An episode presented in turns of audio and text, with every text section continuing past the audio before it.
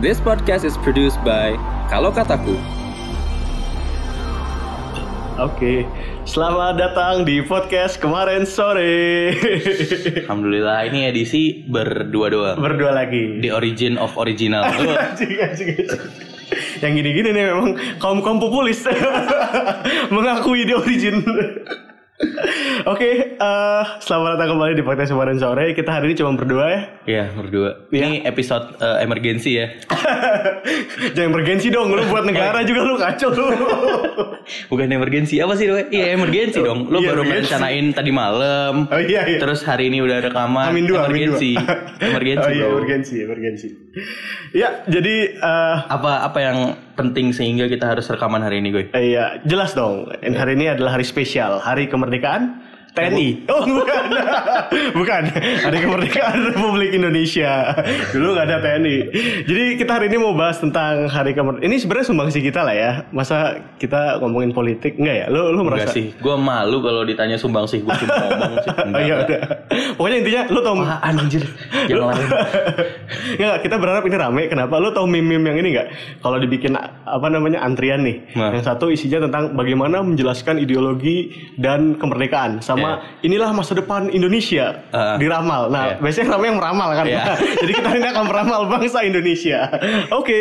Jadi eh, highlightnya dulu aja gue. Kita hari ini bakal ngomongin apa? gue mau ngomongin apa ya? gue mau ngomongin eh, si kemerdekaan itu sendiri. Eh, kemerdekaan itu bukan cuma tentang diskonan, bukan apa lagi ya? Iya gak sih? Iya. Eh, ya Tapi apa pun. kita nggak akan terlalu banyak definisi tentang itu ya. Ah, lu sih yang nyiapin. gue gak nyiapin loh Iya. sejujurnya. Terus eh, akan gerak ke Habis itu gue coba mau gerak tentang sejarah Indonesia sedikit lah. Ya kan, tentang terutama tentang si bangsa ini berdiri gimana, terus ideologinya gimana, tantangan ke depan gimana, ya nggak sih? kayak PKN kelas 2 lah. Kalau lo males, kalau lo males dengerin juga ya udahlah. Tapi nggak bakal isinya kayak PKN kelas Oh 2. nggak bakal kayak PKN. Kelas 6 lah. Lo terlalu. Gue kirain dapat tambahan literatur literatur kiri ya kan. Terus habis itu mungkin nanti kita coba bahas sedikit tentang format peradaban kebangsaan lah. Oh, I see. Ah sih, kan k- kayak kalimatnya Ramzi Tachuru tuh. apa-apa kebangsaan. Ngomong apa sih? Oh. Nggak, apa-apa kebangsaan, ya kan? Oh, iya. Iya, iya. Oke, itu. Ya, kita mulai aja podcast kemarin sore episode spesial kali ini. Cedeng ding ding ding ding ding.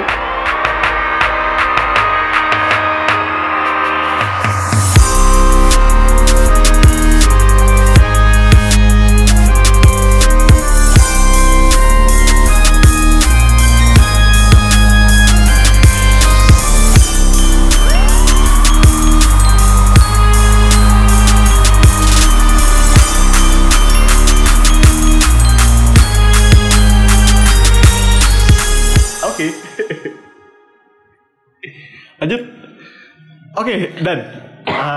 Yuk. ini udah merdeka 74 tahun nih, Dan. Iya. Ah, t- hari, hari ini tanggal 17 Agustus ya kita rekaman ya. Ya, Naiknya juga di 17 sih gue usahakan. Mantap. Semangat. Sumbang sih. iya iya, buru buru. Eh, lo lo lo, lo dapat kesan tentang kemerdekaan tahun ini apa? Tahu sih gue cuma diundang upacara sama Polda Jabar. Jadi nggak terlalu nasionalis gue. Nggak, lu pacarnya pakai baju putih-putih gitu. Enggak baju atribut. Oh, nggak pakai kaos kan? Kaos. kan atribut komunitas ya Oh, gitu ya? kaos. Untung gue nggak pakai gelang. gelang atribut juga kan. Tapi ya Anjir kaos banget. Kan lu bisa pakai batik dan. kan lu bisa pakai batik. disuruhnya atribut komunitas pak. Lu pakai kaos komunitas dong. Iya. Oh, siap siap. Gambar Anis. Oh enggak. Gue pikir gambar Anis. enggak ya? oh gitu ya. Iya iya iya. Upacara di Polda Jabar. Iya, udah jadi gue nggak ngerasa nggak tahu sih, gue udah kayak mak kehilangan makna akan sesuatu yang terlalu besar tuh udah lama sih empat tahun. Jadi mending gue nanya ke lo. Udah enam aja semua ya. Iya, udah, aduh. Iya iya. Apa menurut lo apa kesan yang lo dapet? Entah kenapa nih kalau gue sekarang lihat bendera merah putih diskon-diskonan itu tuh gue langsung inget status grup eh status WhatsApp. Apa tuh? Saya Indonesia, saya Pancasila. Wow. Iya gak sih? Gak tahu sih kalau gue ya. Entah kenapa. Maksud gue ya pasti impact dari eh, pemilu kemarin kan. Maksudnya apa sih? Maksudnya itu cuma jadi label doang gitu. Apa gimana? nggak tahu karena maksud gua kan apa apa sebenarnya sama aja tapi orang udah lebih mengeluarkan ya mengeluarkan labelnya aja gitu. Kalau dulu label tuh Iya, diseludupin di dalam kerah gitu ya. oh iya iya iya iya iya. Sekarang label tuh malah di luar baju ya, luar kayak baju. off white gitu-gitu kan Iya, iya. ke mana-mana labelnya. iya sih betul betul dan lebih pentingnya tuh rebutannya itu loh yang gua ngerasain Oh rebutan, siapa yang Rebutan paling Pancasilais. Itu dia. Jadi kayak jadi kayak ini kan yang merdeka negara Iya. kita nih. Oh. Itu jadi kayak rebutan siapa sih yang merdeka negara kita, negaranya kita berdasarkan gua apa negara kita berdasarkan lo. Negaranya kan sama, apa sih? Makanya, tapi kan pandangan tentang negaranya berbeda kan. Dua-duanya kemarin bilang, "Ah, ya ki- apa kita yang paling Pancasila saya Indonesia saya Pancasila. Ah. Yang satu bilang kalian jangan lupa sejarah bahwa umat pip itu yang ini ya kan jadi rebutan. Iya sih anjing gue kemarin nggak tahu ya. Terus kan ini kita mau rekaman, terus gue searching di Twitter gitu. Nah, apa tuh? eh, kemerdekaan adalah gitu kan. Keywordnya itu doang tuh dua tuh. Oh, iya, iya. Karena gue siapa tahu nemu quote bagus ya oh kan. iya iya iya. Terus gue nemu satu artikel bukan satu artikel sih satu tweet. Hmm? Lihat ini anggota BP, BPU PKI ada yang Cina tapi tidak ada yang Arab. Seriusan Tuh kan Ngapain sih maksud? Ya maksudnya lu jadi kayak pendukung MU sama Liverpool kalau Inggris lagi main aja Iya, udah iya, gitu. iya, Maksudnya. Ya, dukung- walaupun lo dukung MU, dukung Everton deh. Ya, lu dukung Tapi kalau Inggris. Ya didukung juga gitu. Iya iya iya Jadi itu lucu sih Jadi gitu lucu itu lucu Nah ya gitu kan realitanya ya, ya yang kelihatan seperti itu kan Ya, tapi gue males ngomongin ini karena udah lah ya, udah lewat gitu halnya. Jadi Iya iya iya tidak usah ngangkat hal-hal yang dibeda-bedain lagi gitu, Goy. Mending kita ngomongin yang lebih substantif, Goy. Wah apa itu? ya apa kayak yang mau lo bawa? oh iya iya Ya tapi karena itu kesannya jadi pertama kali gue kayak gitu itu kayak Ah, ah, iya. Kenapa kena- kenapa gue inget itu ya Iya.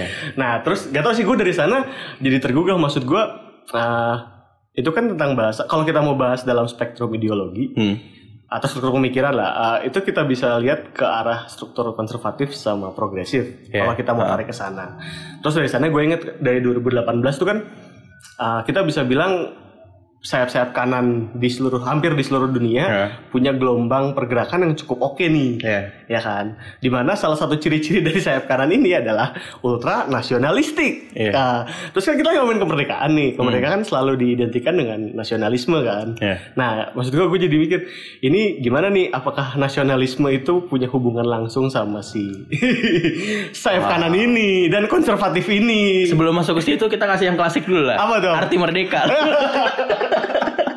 sok sok sok kita Nggak. selalu kangen Faris ya Enggak sih, jadi gue ngerasa apa ya eh, hadirnya atau ini agak balik ke omongan gue tadi, kenapa Ah. gue ngerasa eh, kemerdekaan buat gue itu rada hilang arti gitu. ya ya Karena gue memaknainya sepatah-sepatah sih maksudnya. Oh. Yang hari ini itu Bentar, bentar. Berarti lo begitu habis baca Merdeka itu lo mendapatkan pencerahan dong? enggak.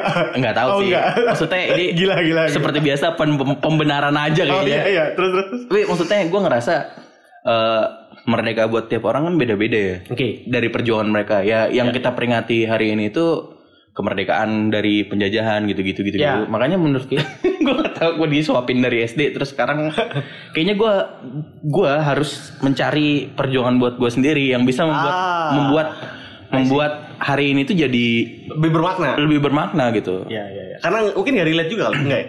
Ya menurut gua nggak relate sih karena eh ini maaf maaf ya. Ya, Tapi ya. kalau dari dulu itu perjuangannya menggulingkan penjajahan. Lanjut sedikit ke ini perjuangannya adalah me- memastikan hak bersuara. Ah, iya. Lanjut lagi menggulingkan rezim. Oke. Lanjut lagi eh, terus mau- pokoknya tanggungannya itu udah beda gitu. Iya, iya. Nah, tantangan zamannya. Iya tantangan zamannya udah beda. Enggak, enggak. Lo, lo gak tahu musuhnya apa anti asing gitu-gitu sih. Harusnya kan itu musuhnya ya? Enggak ya? Gue gak ngerasa. Oh, iya. Orang tadi BBU PKI aja orang Cina nggak apa-apa anjing. Iya, iya, iya. Oke, oke, oke, oke. Wah, jadi apa ya? Ya gitu deh jadi gue ngerasa hilang hilang perjuangan aja. Tapi justru malah jadi tertantang untuk mencari Iya, sebenarnya iya. kita berjuang buat apa sih? Yang Iya. Makanya to sum up sub- to sum up this conversation tuh Iya. ada satu kutipan yang dari siapa lo tebak aja ntar. Oh iya siap siap siap. Gue udah pakai belakang apa di sini nih? Di di belakang aja. Oh, di belakang, Kutipannya kira-kira gini, merdeka itu bukan hanya memperingati kejadian masa lalu, tapi juga menandai perjuangan yang akan datang. Nah, Ah, iya. ini ini yang belum kita Bukan ya? yang belum kita temukan nih perjuangannya apa. Mungkin ada banyak kan sekarang masih ada perjuangan privasi misalnya Yes. yang harus diiniin. Itu banyak. Yes. Ya lo cari aja perjuangan lo masing-masing. Ya, kesetaraan hak. Ya. Nah dari situ baru kalau lo mau masuk ke garis kanan garis kanan lah. tapi tapi menarik sih maksud gue kayak ya bagaimana kita mendefinisikan si perjuangannya itu?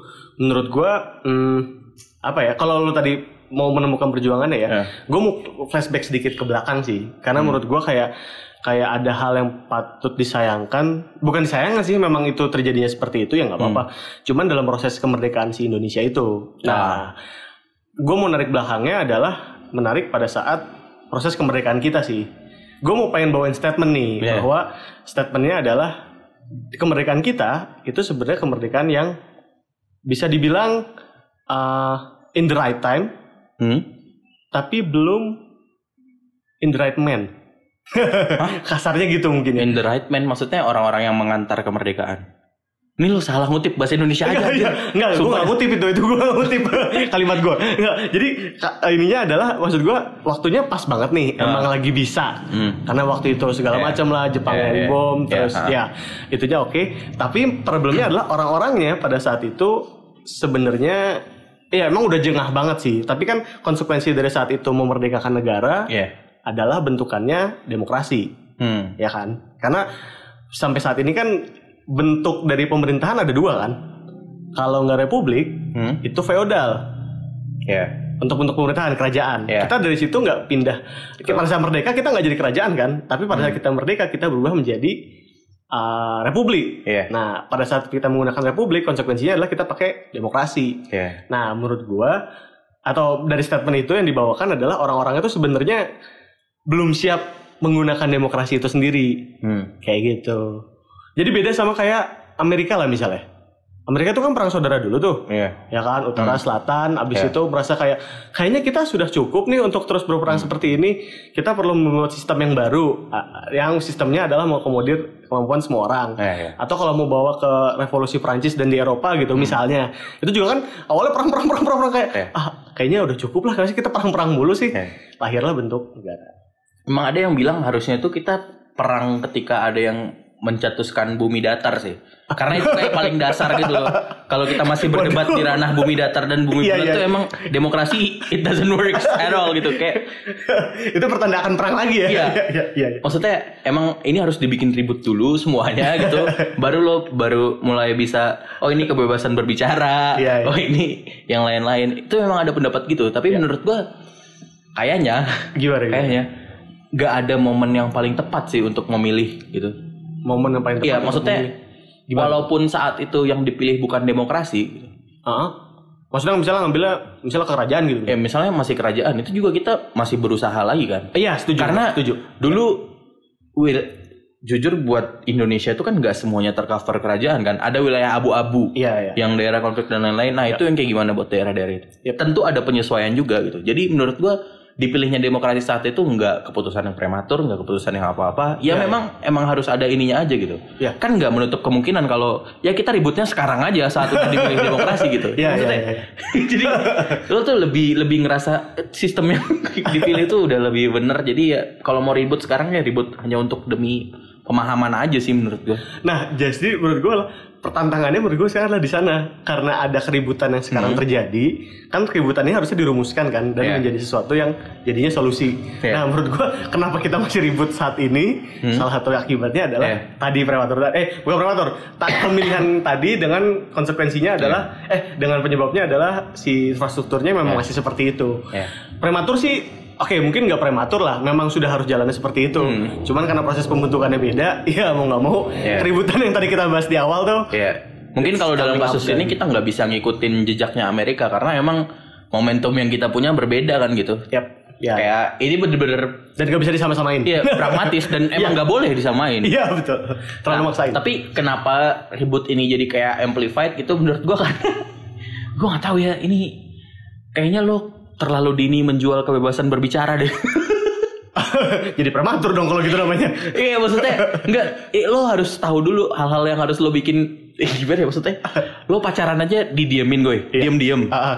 lo minum dan lain-lain diem-diem Hmm. ini sekarang di zaman sosial media pilihan politik lo umbar ya ribut lah anjing maksudnya Iya iya gue setuju. Iya iya gue setuju. Iya. lo mengharapkan apa dari hal itu gitu Iya iya itu gue setuju. kalau hal-hal yang kayak pacaran yang remeh-remeh aja lo diem-diem Iya apalagi apalagi pilihan politik Iya, iya. orientasi seks anjing itu kan gimana sih sangat pribadi dan Iya, sangat ini. ah, Iya. aduh ya makanya ribut ya wajar gitu apalagi Iya. negara lo demokrasi gitu Iya iya. iya. lo memilih buat bersinggungan tapi lo hanya mau berkelompok dengan orang yang sama kayak lo ya itu Nah itu dia. itu sebenarnya yang bikin kebisingan ini jadi nggak ada arah menurut gua karena tiap gesekan yang menimbulkan ya itu makanya menurut gue yang harus Iya. diperjuangkan saat ini itu kebebasan pilihan sih Nah, udah punya perjuangan nih. Iya, tapi gue setuju ya. Iya, Maksud gue itu berinti dari demokrasinya kan ada di sana kan. Nah. ya? Lo untuk berbeda, lo bisa adu gagasan. Tapi juga sebenarnya maksud gue kalau ngeliat tadi gitu ya, walaupun infrastrukturnya belum siap, emang sebenarnya umur negara kita masih masih muda ya, iya nggak sih? ya buat sebuah negara Iya, muda 74 years. Jangan lo kan suka ada yang analogiin, ya nih negara kita nih sudah udah lansia karena sudah 74 tahun. siapa yang bilang gitu Eh, ada di medsos sih ya nggak nggak ini juga sih cuma maksud gue kayak ya sebenarnya harus compare-nya untuk bentukan negara Ya, kan bentuk. dan sebenarnya kita emang masih muda dan memang ya di- jadi gini toh negaranya juga masih muda infrastruktur kemarinnya juga ya tadi orangnya Hmm. sebenarnya belum oke banget untuk gunain demokrasi ya mau nggak mau ini semua memang harus kita beresin kan ya nggak sih tapi dari sana mungkin gue mau lari sedikit ke ideologi yang kita ambil sih maksud gue karena konsekuensi dari kita ngambil demokrasinya kan kita pakai demo kita pakai ideologi nih ya kan terus ideologinya kan kita menggunakan ideologi Pancasila Ya. ya kan yang dirumuskan oleh para founding fathers Hmm. Nah, ini gue mau bawa uh, keributan aja nih. Di hari kemerdekaan, lalu kita gugat Pancasilanya. ya, gue mau bawain statement. uh, kan ada statement yang menyatakan bahwa Pancasila itu overrated. ya Ya kan? Menurut lu gimana? Enggak gue masih bingung pertentangan antara demokrasi kan Eh, maksudnya gimana? yang kita pakai itu demokrasi Pancasila kan. Yes. Apa yang membedakan demokrasi Pancasila dengan demokrasi pada umumnya? Mungkin lo bisa elaborate sedikit. Ya. Ini kalau kita ceritain demokrasi-demokrasi yang gede di dunia dan mungkin bersinggungan ya. Kalau mungkin secara simplified, mudah-mudahan nggak over. Kan ada demokrasi liberal nih, Hmm. satu ya kan. Kita cukup jelas lah dengan mengutamakan kebebasannya, mengutamakan dengan mekanisme pasarnya. Ya. Lalu ada apa demokrasi komunis? Enggak sih, itu ujung banget. Atau Iya, di demokrasi sosialis pokoknya. lah, Ya, sosial, ya. dalam spektrum yang lain ada di kanan. Uh, terus mereka kan tujuan utamanya adalah di mana kepentingan bersama Ya, adalah segalanya, ya kan? Nah, kepentingan Pancasila individu. ini coba menaruh satu di lagi dulu, tengah-tengah. satu Oh, lagi, satu lagi ada. satu lagi demokrasi agama. Oh De- iya. Demokrasi kan ada negara-negara yang berbasisnya agama kan. Kalau di sini Oh. lah kita Islam lah, karena negara mayoritasnya Islam. Di mana tertingginya adalah kitab sucinya mereka atau kitab suci Hmm. agama dalam hal ini.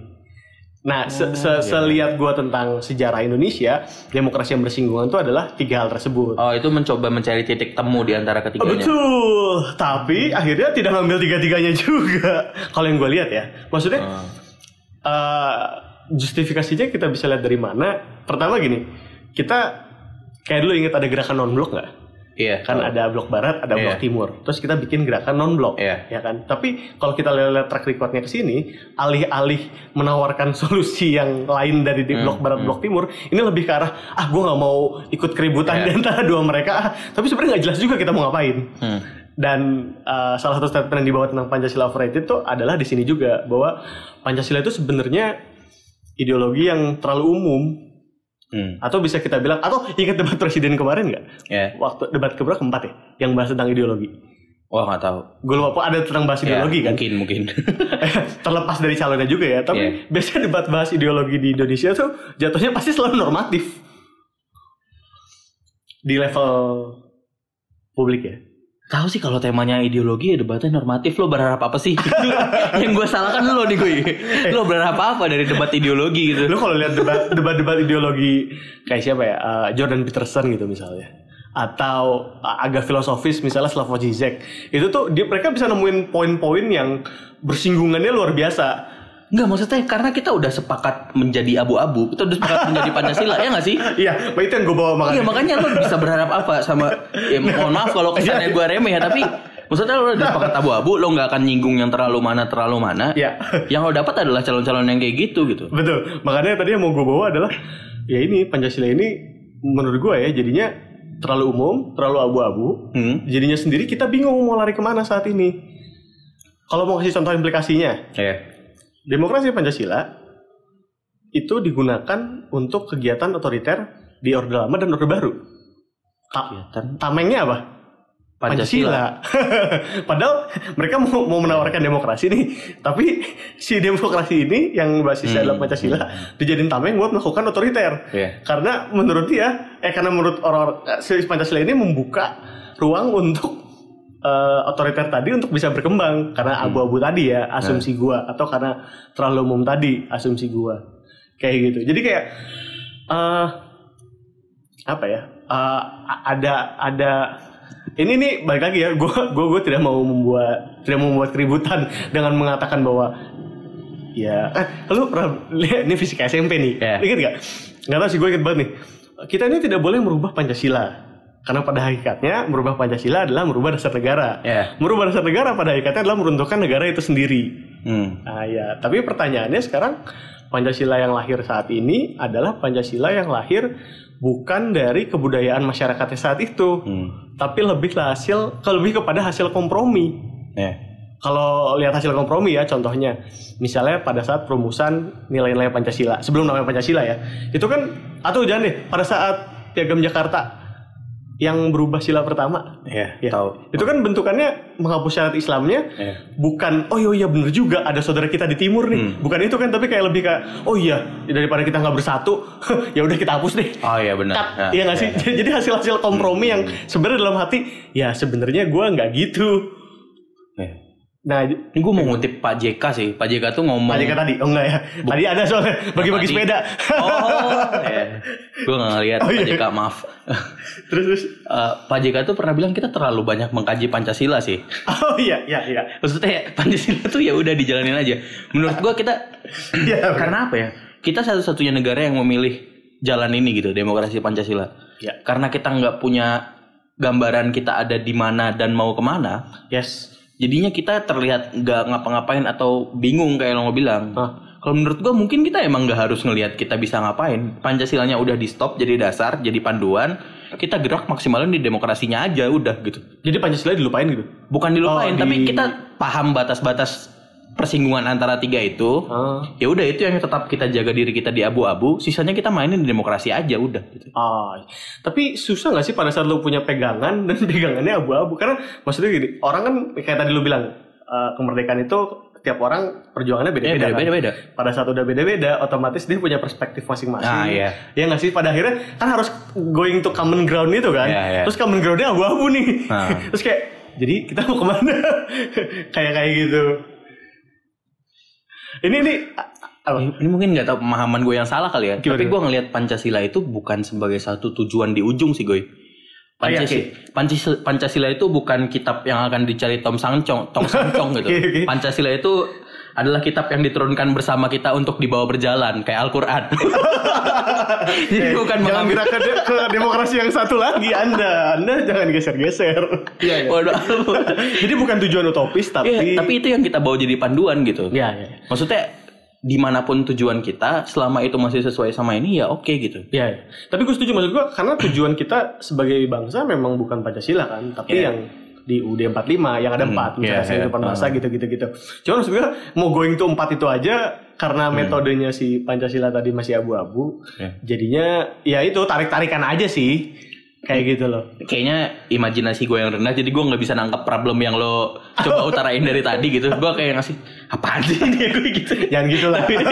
Tolong diungkapkan kalau masih ada ketidaksetujuan. Enggak, enggak, Enggak, ngerasa itu jadi masalah di sekarang aja sih gue. Maksudnya, karena nggak tahu ya. Ini mungkin akan berbeda sama ini. Karena gue percaya ketika orang akan bergerak berdasarkan perjuangan-perjuangannya, Ya, malah bentuk negara kita di masa depan akan akan jadi negara Islam. Oh enggak ya? serikat misalnya karena Ah, yang yang banyak itu ini Romo Romo Mangun juga ngomong di bukunya sih menuju Indonesia Serikat 2045 bahkan Romo Mangun udah dapat tahunnya gitu 2045. Karena Isinya orang-orang anak-anak kita, zaman Iya, kita tuh ya. isinya. Karena ini mungkin kalau mau dikaitin sama yang eh, yang lo singgung di awal tadi yang belum kita belum bahas. Apa tuh? Karena ini terlalu berisik nih di tengah. Nggak ada yang menang. Eh gimana? Disentris maksudnya? Iya. Ideologi sentris? Iya, nggak ada yang menang.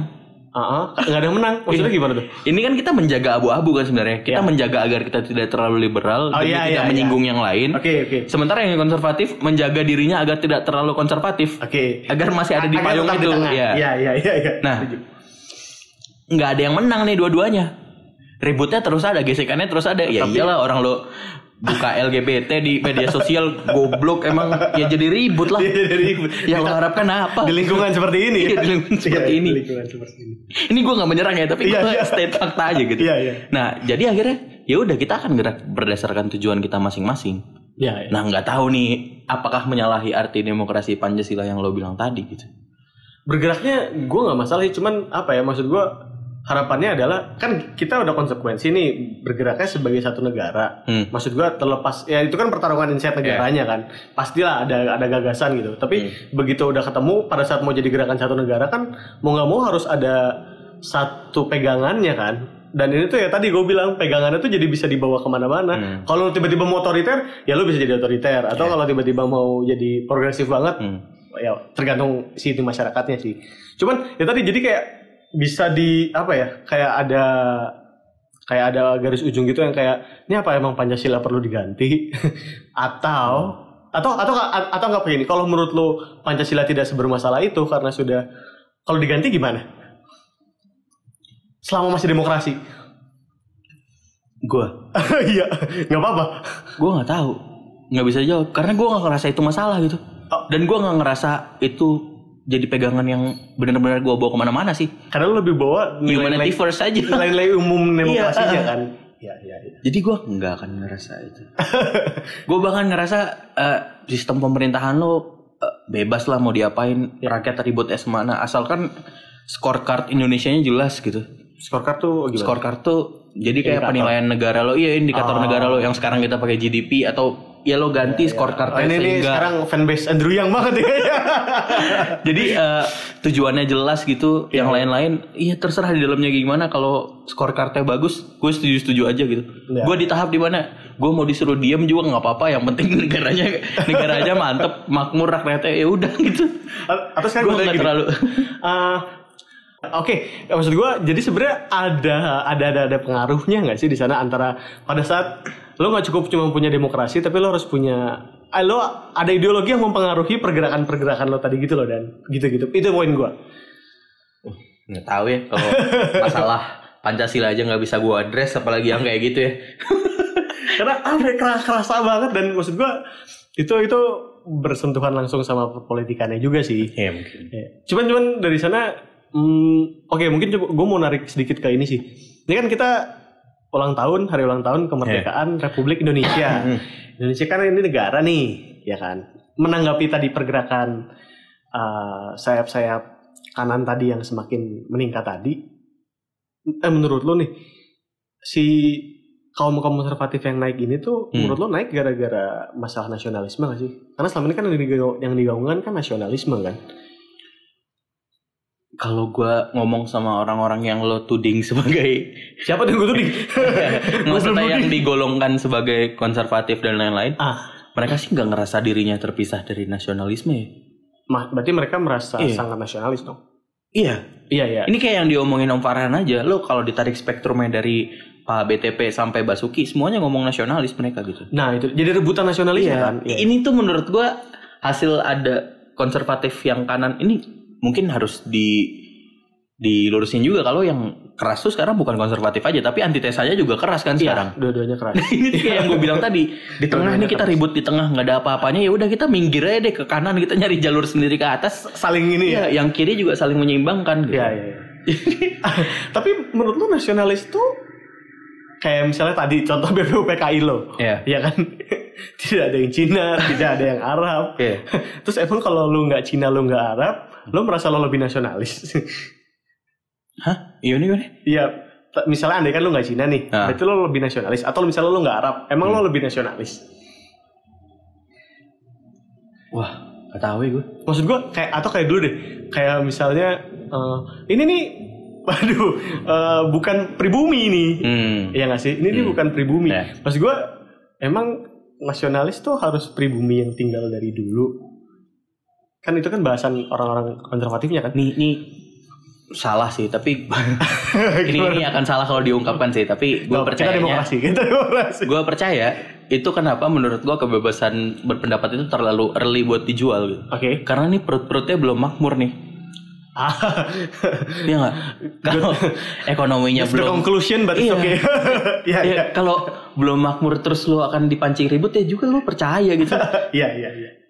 Kalau di bahkan di Amerika yang demokrasinya udah sustain gitu ya. Iya. Itu swing state itu Ohio dan lain-lain gitu. Iya, iya. Dihilangin berapa kemarin eh, pekerjaan yang dihilangkan karena otomasi jadi Langsung. merah semua. Jadi merah, iya betul. Detroit juga kan? Iya, Detroit. Iya, iya, Detroit juga. Jadi merah semua. Iya, semua jadi merah. jadi ribut, jadi keagama-agamaan semuanya gitu. Jadi Iya. terlalu keras.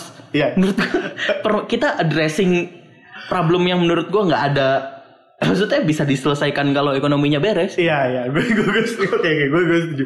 Nah, tadi poin gue tadi gue mau nanya gini, apakah nasionalisme yang berlebihan itu menyebabkan atau ultranasionalistik tadi ya Iya. menyebabkan konservatisme naik? Iya. Terus kalau mau misalnya dijawab, kita mau jawab misalnya iya nih gara-gara nasionalisme yang berlebihan, harusnya uh, era zaman sekarang tuh kan eranya globalisasi Iya. kan, lu nggak bisa lagi mengungkung diri lo atau Iya. menganggap diri lo yang paling identitas lo yang paling ini.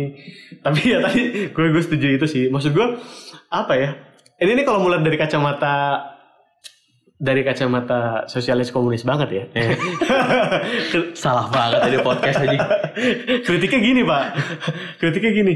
Ini tuh bu- bukan masalah konservatifnya, tapi masalah sistem dari demokrasi saat ini yang membuat bahwa hanya segelintir orang yang semakin mendapatkan keuntungan Iya. dan ada segelintir orang lagi Iya. yang dikorbankan. Iya, benar. Jadinya masalah itu kan? Atau apa Indriang bahasanya wealth distribution bukan? Apa sih dia ngomongnya? Apa? Nggak tahu. Penggunaan- Ya pokoknya itu maksud gua intinya Pokoknya pembagian iya, kekayaan, ini tuh kalau main kekayaan. ini tuh kalau main monopoli lo udah di tahap 2 sampai 3 orang doang nih yang nyisa gitu. Oh iya iya iya. Nah, makanya ide besarnya sekarang adalah gimana caranya kita bikin kapitalisme tapi startnya nggak dari nol. Jadi lo dapet udah ada ya. Iya. Iya iya iya. Ini kan pasarnya nggak bergerak karena ya yang punya modal emang udah 2 3 orang itu aja gitu. Iya iya. Udah udah Iya, sebegitunya. jadi kapitalismenya juga udah nggak jalan gitu. I see, I see. Karena kita kan ya kapitalis siapa yang hidup dengan dengan komunisme dengan Iya, langgeng Cina aja nggak bisa gitu. Jadi ya Tapi kritiknya jadi itu ya, maksudnya ada kesenjangannya yang jadi Hmm, problem iya, sampai saat ini. iya. Nah, ini gue mau tarik ke masalah negara bangsa tadi ya. Iya. Salah satu penyebab dari kata eh, statementnya ya, penyebabnya adalah bentuk negara bangsa ini menyebabkan eh, beberapa tempat atau beberapa bagian ada yang menjadi kuat banget dengan demokrasinya ya. Hmm. Ada yang menjadi kuat banget sehingga ada yang dikorbankan atau ada yang saling menyerap. Nah, jadi si negara bangsa ini justru dipertanyakan, ini masih relevan gak sih buat Hmm. bentuknya negara Hmm. bangsa kayak Iya. gini? Oh ya. Kayak gitu. Menurut lu gimana masih? Lo dulu deh, jangan ntar argumennya langsung lari lagi kalau gue yang balas. ya maksud gue si negara bangsa ini kan lahir dari produk eh, menurut gue ya kalau di bukunya Homo sapiens kan Hmm. revolusi manusia ketiga Yuval Noah. Mantap. Revo- revolusi manusia ketiga kan kognitif habis itu pertanian habis itu persatuan Iya. ya kan pada saat bersatu mulai ke- mulai banyak bikin hal-hal imajiner Iya. bikin duit Hmm. bikin asuransi ya dari zaman dulu lah Iya. sampai akhirnya juga salah satunya bikin negara negara itu kan sebenarnya batasan imajiner kan Wow. iya nggak sih Wow. terlepas dari wilayahnya kan syarat negara apa Iya. masyarakat Ah. eh, pemerintahan Emang wilayah khilafah bener berarti. Ada batas-batas negara ya. jadi ketahuan nggak ada Lu emang dari kita. Untuk yang belum baca Yuval Noah Harari nggak usah dibaca yang Homo sapiens ya. Bacanya langsung 21st skills eh 21 skills for 21st century aja. Iya, yang itu nggak ngawang-ngawang itu substantif. Ya, tapi maksud gue gini, eh, itu jadi itu jadi make sense. Kenapa? Karena di era zaman sekarang Hmm. itu kan Nah, maksud gue ini kan udah revolusi keempat nih. Iya. Revolusinya adalah revolusi teknologi. Ya. Ada globalisasi, pengaruh dari internet, pengaruh dari komputer. Globalisasi itu ketiga kali pak. Sekarang tuh automation pak. Ah, enggak, enggak, bukan industri, bukan revolusi industri, revolusi manusia. Oh revolusi manusia. ya. Revolusi keempatnya kan revolusi sains. Hasilnya Ah. teknologi, terus jadi ada globalisasi dan lain-lainnya. Nah, maksud gue itu kan sebenarnya menghilangkan sekat batas negara kan. Hmm, Iya ya. nggak sih? Bahkan sekarang orang ganti kewarganegaraan aja kayak ya udah kalau gue harus tinggal di sana, Bahkan ada negara yang mewadahi buat punya dua atau tiga warga Iya, negara. Ya. dengan multi apa Hmm. ya kayak gitu. Nah maksud gue jadinya sebenarnya kalau mau mempertanyakan ini batas negara ini masih masih masih cukup relevan nggak? Hmm. Walaupun fungsi-fungsi pemerintahannya masih perlu ada, oke Iya. setuju. Tapi kayak bentukan-bentukan lainnya, karena Hmm. kayak tadi kata kayak kata lo ya sorry, yang tentang ngomong di media sosial tentang pilihan politik. Mungkin dari dulu orang zaman dulu ada pilihan politik yang berbeda kan, tapi karena saking jauhnya terus kayak ya udahlah nggak Iya. Hmm. nggak terlalu kepengaruh. Sekarang lu lihat di medsos, lu jadi rame, Iya. ya kan, jadi Iya. berantem. Nah itu kan sebenarnya menghilangkan batas-batas tadi kan. Gue rasa sih ini orang pada sadar itu akan hilang. Nah, Tapi orang pada nggak mau itu hilang. Karena sudah menjadi sistem yang cukup mapan selama Bukan. berapa tahun. Kenapa dong? Gue nggak tahu karena apanya. Tapi terlihat dari yang dijual itu sekarang nasionalisme dan lain-lain. Itu menurut gue kita nggak mau kehilangan kebangsaan dan kenegara bangsaan kita. Gitu. Tadi kan kita udah punya konklusi itu. Konklusinya apa? Duitnya tidak tidak Enggak, enggak, bukan bukan kanannya, tapi ini Ayo. relasi yang lo coba jual dari sebagai negara ya. Ah, oh iya, eh, dari pihak negaranya. Oh iya, gue setuju. Ya, karena yang negara kan mau nggak mau, ya gini, siap setiap yang megang negara atau setiap pemerintahan dasarnya Iya, itu iya. konservatif kan. Karena mau nggak mau dia mau mempertahankan status quo, conserve the system. Iya. Ya nggak sih? Hmm. Sebenarnya defaultnya. Iya. Kecuali mungkin kayak Arab Saudi yang lagi progresifnya Ah, naik. Iya, iya, iya. Iya nggak sih? that point. Ah. Ah ya misalnya kayak gitu. Iya. Tapi sebenarnya dasar-dasar ininya lagi conserve kan. Oh iya. iya. Nah jadi kayak ini sebenarnya atau gue mau lihat gue gue gue bisa ngelihat upaya pemertahanan itu Ah, tapi iya, gue iya. gue nggak tahu. Gue gue ngerti eh, pentingnya bernegara enggak pentingnya bernegara. Kayak kalau contoh paling contoh paling ekstrimnya Cina sih mau diambil kayak Ah. rakyatnya dia bisa mengentaskan berapa kemiskinan langsung itu kan Ah. peran negara Iya iya. di saat hilangnya batas-batas negara ini Iya iya. Jadi gue bilang tadi, gue nggak peduli sistem lo mau gimana, asalkan scorecard lo hijau, bagus semua, Iya, gue iya. setuju gitu, gue siap untuk dibungkam gitu. Tapi pada saat menuju titik kritis akan jadi ya ya, ngecek si sistemnya kan. Iya, iya. Karena dulu pun pas zaman feodal atau kerajaan pun banyak yang makmur kan. ya ya. Tapi ternyata banyak juga yang tidak makmur. Iya. Kan pertanyaannya mulai goyang di sana. Nah maksud gua uh, ini kan udah masuk revolusi keempat sebagai manusianya nih teknologinya Hmm. menghapuskan batas negaranya. Apakah sepertinya waktu kita juga untuk berpikir bahwa ini sepertinya negara Iya. karena kayak tadi golongan konservatif nih masalah uh, ultranasionalistiknya. Iya. Lo bayangin negaranya batas imajiner nih, tapi lo membuat melihat orang lain dalam kasta yang berbeda hanya gara-gara beda negara gitu misalnya, Iya. atau gara-gara beda suku gitu misalnya. Hmm. Ya emang ini sebenarnya tanda-tanda Akhir zaman. Oh enggak ya. pengelolaan nasional ini sudah terlihat dari ketika problem-problem yang tidak diselesaikan oleh pemerintah turunnya ke United Nation ya. Oke, iya iya iya. Lo kayak ngelihat UN tuh sekarang punya banyak banget program yang langsung banget terjun ke lapangan. ke lapangan gitu. Ya, bukan nggak bukan nggak mungkin kita justru pengelolaannya ntar berdasarkan UN tuh. Iya iya iya. jadi satu negara masuknya Iya. berdasarkan UN ya. Gue ngelihat bisa jadi kayak gitu sih. Atau embargo ekonomi. Iya. Sebenarnya Amerika kalau misalnya nggak ribet dia mau Iya. langsung WTO aja yang embargo China kan. Iya. Tapi karena ribet akhirnya dia langsung yang nurun juga. Itu Nggak nggak bisa sih itu karena dari segi konservatif. Iya ya, Iya. China-nya juga punya senjata di Amerika. Iya, kan, akhirnya beli. akhirnya serang balik kan. Iya. Iya. Cuma jadi nanti mungkin negaranya negara UN, terus FAO, Iya, iya. WTO, Hmm. kayak gini-gininya. Ini mungkin itu itulah kenapa banyak orang ngeributin Brexit saat ini ya karena ngerasa Uni Eropa semakin Iya, iya, iya. Semakin tidak ini ya. Iya, iya. ya itulah Jadi apa kita bubarkan saja Indonesia? Oh. anjing yang itu nggak gue potong gue jadiin highlight Ya, Justru gue mau nutup. Nutupnya adalah pakai kalimatnya Thor. Thor si dewa Thor si dewa. Maksud gue, kalau Thor kan bilang Asgard itu is not a place, Hmm. it's a people. Nah, gue juga kalau gue pribadi sih gue juga percaya terlepas dari kata lo juga, eh kayak kata lo terlepas sistemnya seperti apa, menurut gue kemerdekaan Indonesia yang kemarin dijunjung itu itu it's not about the country, it's not about distinction or state, tapi itu about perjuangan, itu about nilai-nilai. Jadi walaupun bentukannya nggak ada, gue masih percaya Indonesia tetap ada. Eh. Kayak gitu sih. Jadi bentukannya. Eh. Gue nggak mau, gue takut ngeleteh sebenarnya mas ginian. Tiba-tiba kan Tapi kena pendidikan Pancasila. berulang lagi ntar. iya. Udah ya. Oke. Udah ya podcast kali ya. Cukup panjang tapi semoga menyenangkan gitu. Iya. Karena Selamat. kayaknya orang-orangnya asik ya. Gak ada Paris, gak ada Ave.